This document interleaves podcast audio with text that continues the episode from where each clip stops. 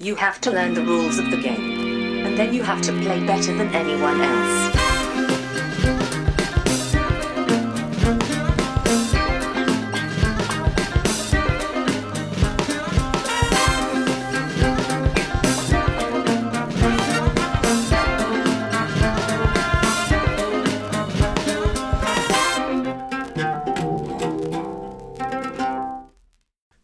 Välkomna till Vems tur är det första intrycket? Podcasten där jag och Brisse tillsammans med två till fyra mina vänner spelar ett spel för första gången och sen ger vårt första intryck av det spelet. Idag är det dock ett nytt soloavsnitt där jag själv ska spela spel och ge mitt första intryck av det spelet. Idag ska jag spela The Reckoners. Det här är ett spel från 2018. Utgivet av Navoo Games. Det är designat av Brett Sobol och Seth Van Orden. Med illustrationer av Noah Adelman, Miguel Coimbra och Ian O'Toole. The Reckoners är baserat på en trilogi av böcker av Brandon Sanderson. Så man kan väl säga att de är i kategorin Young Adult och har ett superhjältetema. I den här världen så är det en, nästan som en postapokalyptisk värld där för ungefär 12 år sedan i fiktionen så dök en stjärna upp på himlen som kallas för Calamity. Och efter detta så började flera personer få eh, övernaturliga krafter helt enkelt, superkrafter. Vad det dock ledde till eh, var att eh, alla som använde sina krafter blev så att säga onda och eh, förslavade mer eller mindre mänskligheten och tog makten över hela världen kan man säga. De här personerna med krafter kallas för epics i den här världen. De tre böckerna i serien är Steelheart, Firefight och Calamity. Där den första kom ut 2013 och den sista 2016. Jag har bara läst första boken i den här serien. Jag är en bit in i den andra boken.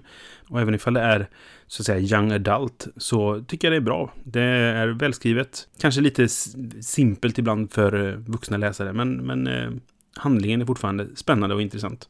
Det här spelet utspelar sig då i samband med första boken kan man väl säga. Utan att avslöja någonting så, så blir väl vissa saker lite konstiga ifall det skulle vara så att de utspelar sig efter första boken. Men i vilket fall så eh, temat i, i den här är ju då de här The Reckoners. Och det är då helt enkelt en samling med människor vars mål är att stoppa eh, Epics och helt enkelt bekämpa dem med hjälp av teknologi och planer och sånt. Det är nämligen så att alla Epics har en svaghet och kan man komma på den och så kan man besegra dem. Huvudpersonen i böckerna är en eh, ung man som heter David Charleston. Och han eh, är från början inte med i Reckoners. Jag ska inte avslöja för mycket, men det, det här är, händer ganska tidigt i boken, så att det, det, är inte, det är inte så spoiligt. Men alltså, han har studerat Epics hela sitt liv för att hans eh, far blev mördad av en Epic. Och han har svurit på att hämnas på detta då, så att säga. Så han har studerat eh, Epics under hela sitt liv och kommer då med i, i Reckoners för att tillsammans med dem försöka stoppa eh, Steelheart som är den som styr i New Chicago, tror jag det heter. Det är alltså Chicago-området. Spelet går ut på ungefär samma sak. Du spelar helt enkelt som Reckoners och du ska försöka stoppa Steelheart. Och eh, på vägen så behöver du då ta hand om flera av hans löjtnanter också. Då. Det finns flera stycken. I bo boken namnges må ganska många och jag tror att även spelet har, har fyllt på med fler. Tar ni då i samarbete med skaparen av den här fiktionen.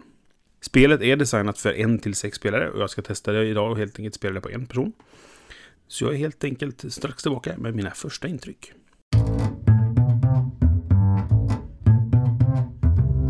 Sådär, nu har jag spelat The Reckoners. Jag förlorade och jag måste säga att det var ganska svårt. Men det är ju gärna så man vill kanske ha det med eh, ett eh, samarbetsspel.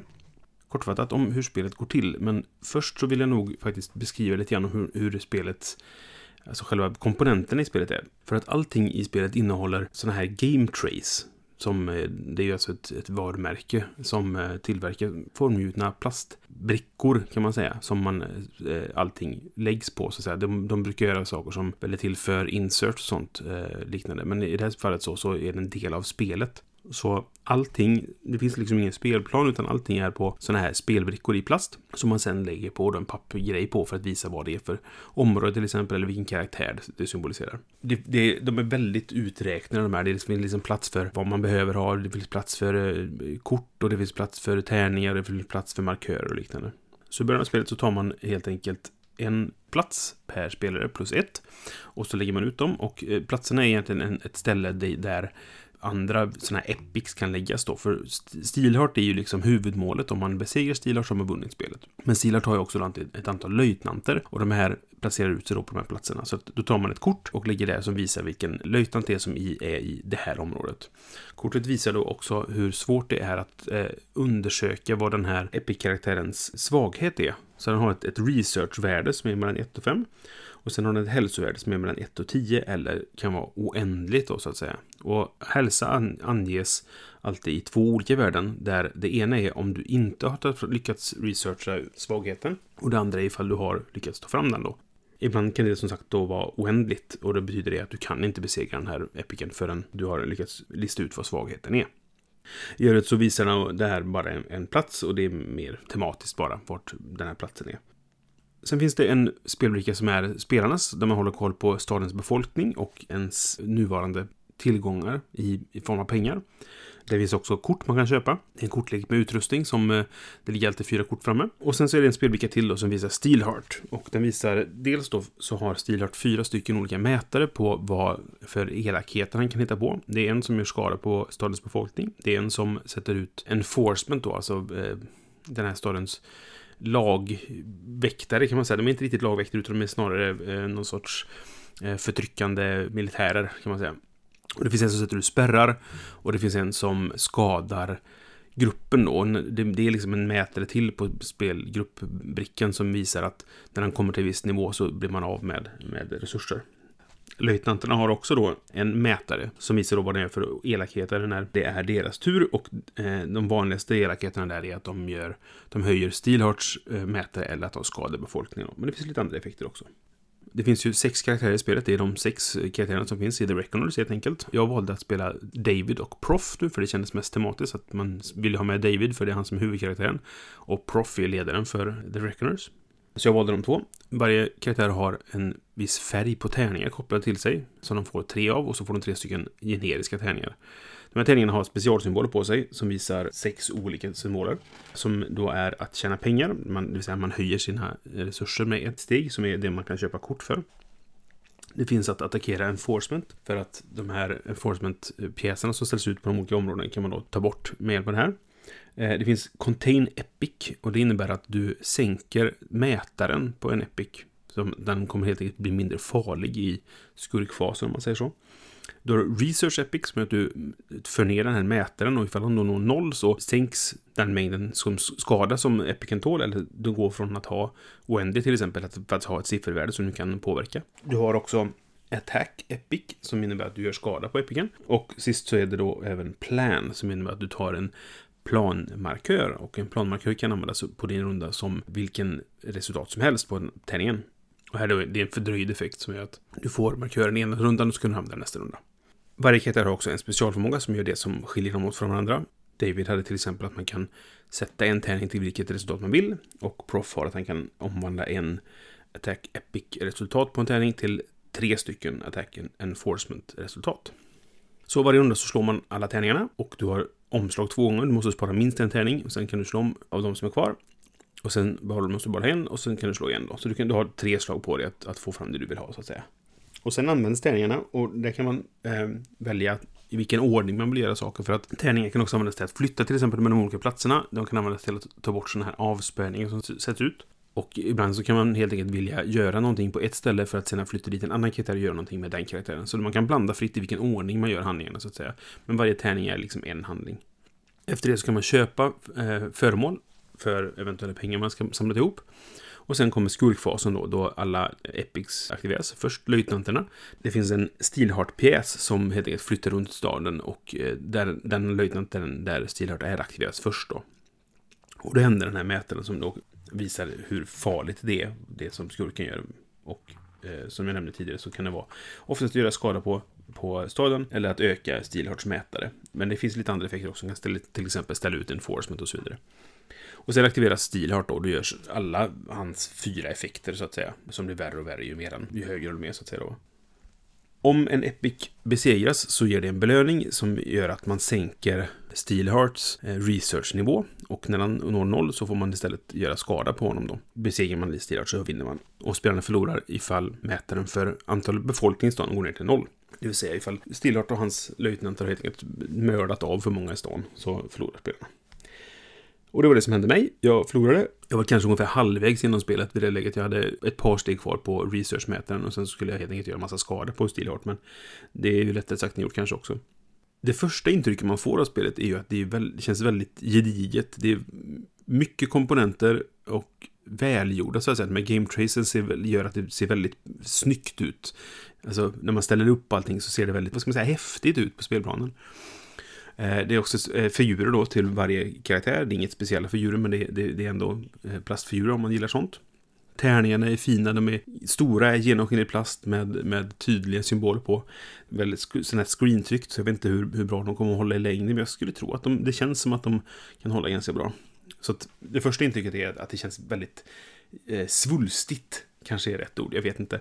Det känns som att man får mycket i lådan, det är en väldigt stor låda också, eh, bland de, de, större jag har, nu när jag inte har Gloomhaven längre. Och överlag, det är eh, bra illustrationer, det är snygg regelbok och sådär. Eh, regelboken känns också mm, välskriven liksom. Men själva spelet då? Ja, det är ju ett tärningsspel och det går inte att komma ifrån det. Vilket gör att du kan ha otur, du kan slå dåligt och så vidare ett moment i spelet också att när den här mätaren som går ner för att se när, när eh, Steelhard upptäcker ens tillhåll, om den når en viss nivå så återställs den och så förlorar man varje spelare en tärning. Och de kan sen köpas tillbaka för två pengar. Och pengar är någonting du får av tärningar, vilket gör att när du börjar bli av med tärningar så kostar det mer att få tillbaka dem. Och om du satsar på att slå så att du får tillbaka dina tärningar så kommer antagligen skurkarna göra så mycket skada på det igen att det är ungefär, det, det nollställer egentligen. Rundan blir nästan meningslös på något sätt i så fall. Och det kändes lite tråkigt för att det blev någon sorts nedåtgående spiral på något sätt. Det gjorde att det ibland, jag ska inte säga att det kändes hopplöst, men det kändes ibland som att det var att hur ska jag bekämpa detta? Hur ska jag kunna liksom hålla mig flytande på något sätt? Jag tror att det här spelet helt enkelt, om man bara ska snabbsammanfatta sådär, så tror jag inte att det är ett spel som är särskilt bra på en spelare helt enkelt. Det går att spela på en spelare, de föreslår i reglerna att du ska spela med två karaktärer då. Men jag skulle tro att det är bättre att spela på fler spelare, så att du har flera hjärnor som kan liksom försöka luska ut hur man ska lösa detta det blir fler platser som skurkarna finns på, det blir fler löjtnanter, det blir, så det blir mer utmaning på det sättet och det känns som att svårighetsgraden höjs av det. Jag spelade nu som att vi var två spelare eftersom jag hade två karaktärer. Det kanske var fel, jag kanske bara skulle haft eh, spelet som att jag var en spelare för då hade det varit en löjtnant mindre och då hade det kanske gått bättre. Jag ska testa det nästa gång jag spelar, det, tänkte jag, så får vi se hur det går. Men överlag kan man väl säga så här då att det är ett tärningsspel, du behöver ha eh, turen på din sida ibland, men det finns en hel del sätt att manipulera. De vanligaste sätten att manipulera tärningarna är dock med hjälp av eh, utrustning, som också kostar pengar att skaffa. Och jag tyckte att mätaren för pengar går upp till 30 tror jag det är. Och jag hade aldrig mer än tre eller fyra pengar. Så jag vet inte hur man ska få mer pengar. Det är väl också en sån sak som händer kanske då för man är fler spelare. För då är det fler som kan, kan satsa på att skaffa pengar. Man kan ju kanske komma överens om då att eh, du ska få pengar den här rundan så kan jag se till att hålla den här löjtnanten i schack liksom om man säger så. Jag tror att det här verkligen är ett, ett samarbetsspel på det sättet att du behöver kunna eh, planera tillsammans och diskutera det fram till, till bra lösningar på hur man kan, kan göra saker på ett bra sätt. Och det här att man gör handlingarna i vilken ordning man vill kan bli väldigt viktigt för att Eh, om jag går hit så kan jag göra detta, så kan du gå dit och göra detta, så kan vi lösa detta på det här sättet. Det tror jag spelar större roll. Jag har ju den kontrollen naturligtvis också när jag har två karaktärer och spelar själv, men jag tror att det, ju, ju fler man är och ju fler tärningar som är i omlopp, desto mer sånt kan man göra. Även om svårighetsgraden ökar genom att du får fler löjtnanter. Det går att vara upp till sex spelare på spelet. Jag vet inte om jag skulle vilja vara så många. Det kanske blir lite väl mycket. De föreslår i reglerna till exempel att om du är tre spelare så kan man spela med två karaktärer var. De föreslår att man kanske inte gör det första gången, men sen kan man testa det efter det. Och det kanske skulle kunna vara ett bra sätt att spela det på. Jag tycker att de har tem fått tematiken att, att funka bra. Jag kollar lite grann på de andra karaktärerna som finns och det känns som att deras specialförmågor känns knutna till hur karaktärerna är i böckerna. De epics som jag känner igen från böckerna känns också som att det, de, det liksom återspeglar vad de gör och vad deras krafter är det finns inte jättemycket att laborera med där. Så det känns som de har gjort bra utifrån de förutsättningar de haft. Överlag så tycker jag att eh, illustrationer och liknande lyfter känslan. Du har också utrustningen som är saker man känner igen från böckerna och sådär. Så att det, det, det är mycket liksom som man känner igen därifrån. Och det är alltid kul att, att känna igen just eh, karaktärer, de här olika epicsen som finns då. Och vissa som de har tagit med i, i spelet är sådana som bara nämnts i en eller två meningar i, i boken. Så långt som jag läser i alla fall. Och några av dem tror jag är påhittade för spelet, eller så nämns de någonstans i en bok som jag inte har kommit till än. Det är mycket möjligt. Som jag nämnde tidigare också så, så finns det ju lite spoilers i spelet eventuellt. Eller det finns inte spoilers i spelet, men har man läst böckerna så spoilar du snarare saker för spelet. Och det är vissa saker som inte riktigt går ihop om man har läst klart boken. Men jag ska inte orda mer om det ifall det är någon som vill läsa boken. Men det, det blir lite konstigt i, i vissa fall. Men det kanske inte är någonting man behöver tänka på egentligen. Jag tyckte som sagt spelet var ganska svårt. Det är definitivt en utmaning. Jag eh, kunde spelat bättre antagligen, men det, det, finns det här momentet av att om det börjar gå dåligt så finns det risk att det fortsätter gå dåligt. Och det kan vara svårt att vända det med tanke på att du kan bli av med tärningar och så vidare. Men det beror också på vilka, vilka epics som kommer och vilken svårighetsgrad du satte på. Jag satte mig på standard svårighetsgrad nu, men jag spelar ju då också kanske med en löjtnant för mycket. Så att jag ska nog ta och testa och spela bara med två stycken nästa gång. Och jag är det. Jag är sugen på att spela det här igen. Det är kul med utmaningen. Det är, jag känner att jag, jag, det är inte bara tur, utan det, det handlar mycket om planering också. Jag hade kunnat planera bättre jag kanske vill testa andra karaktärer och jag vill, jag vill se mer av vilka löjtnanter som finns och vilka föremål som finns och, och vilken, vilka jag, jag, får där kanske avgör hur det går för mig också den här gången då. Jag har kollat lite grann på, på de olika eh, sättet och bläddrat lite bland korten bara sådär och det finns ju saker som, som dubblar effekter av vissa tärningar och sådana saker och det kan vara ganska kraftfullt helt enkelt. Så att ska jag sätta ett betyg på det här så blir det en tumme upp för att jag vill spela det mer. Den är inte jättestark kan jag väl säga. För att jag känner att det här problemet med att, att den nedåtgående spiralen så att säga kan bli ett problem. Och det kan bli något som är frustrerande i spelet och då är det kanske inte så kul att spela. Men jag, jag har bara testat det en gång nu som sagt. Det är ju det som är hela idén med podden. Och jag vet inte om det blir så. Så därför så tänker jag att jag, jag vill verkligen testa det igen och se. Det känns som att det är, en utmaning. Jag vill ta, anta utmaningen att spela det igen. Och det är kul när man får den känslan av att eh, när jag var färdig nu så kände jag att jag vill, jag vill köra en gång till. Nej, bara en gång till liksom. Det är ett bra betyg. Därför så måste jag ge det här en tumme upp. Jag kommer behålla spelet och jag gillar böckerna. Så att jag kommer vilja läsa mer av böckerna och jag vill eh, upptäcka mer av den här världen så att säga. Och det tycker jag spelet hjälper till med. Däremot så tror jag inte att jag skulle rekommendera det som ett solospel. Utan jag tror det är ett, ett spel för flera spelare. Åtminstone tre stycken. Mest för att få det här samspelet där man kan bolla idéer med varandra och liksom klura ut hur man ska optimera sin runda. Speltiden på lådan är 75 minuter. Jag spelade en halvtimme ungefär nu och jag var väl ungefär halvvägs genom spelet. Och jag skulle tro att ha, beroende på hur mycket man diskuterar och hur mycket man, man planerar in i minsta detalj så, så kan det nog ta lite längre tid också. Men har man väl fått ner liksom reglerna som, så tror jag det går, går att spela på den tiden som står på lådan. Och reglerna är inte särskilt avancerade egentligen. Det är en del moment, men det är inte så mycket egentligen att lära sig. Det är lite ikonografi och så här på vad, vad de olika epicsen har för effekter på sin runda. Och lite grann vad dina, eh, dina utrustningar gör som du skaffar dig. Men det, det är ganska lätt att läsa sig till. Det är inte så många olika symboler. Så att, eh, det är ganska lätt att ta till sig. Jag funderar på ifall det... Jag skulle inte säga att det är ett nybörjarspel, men om man har läst böckerna och sådär och liksom har en lite inblick i världen och lite spelvana så kan man nog ganska lätt ta till sig det här spelet. Och det är kanske där det verkligen är, är riktat mot den typen av, av, spelare. De som är lite spelintresserade men har läst böckerna och tycker det är kul med, med den här genren. Superhjältar för young adults så att säga. Hur som helst, mitt betyg är en tumme upp. Inte jättestark, men ändå en tumme upp. Så nu ser jag fram emot att testa det här med fler spelare helt enkelt och se ifall vi kan göra, göra bättre från oss då än vad jag gjorde nu helt själv. Och med det så tackar jag för den här gången. Vi är tillbaka nästa gång med fler än jag antagligen och våra första intryck av ett annat spel. Hej då! Du har lyssnat på Vems tur är det första intrycket? Du kan hitta oss på Facebook på facebook.com spelradio. Där får ni gärna kontakta oss om ni har några frågor eller tankar om podden eller om spel i allmänhet. Vi har också en hemsida, spelradio.se, där ni kan lyssna på våra avsnitt. Det går också att prenumerera på oss på iTunes eller andra poddprogram. Musiken är gjord av Robin William Olsson. Hej,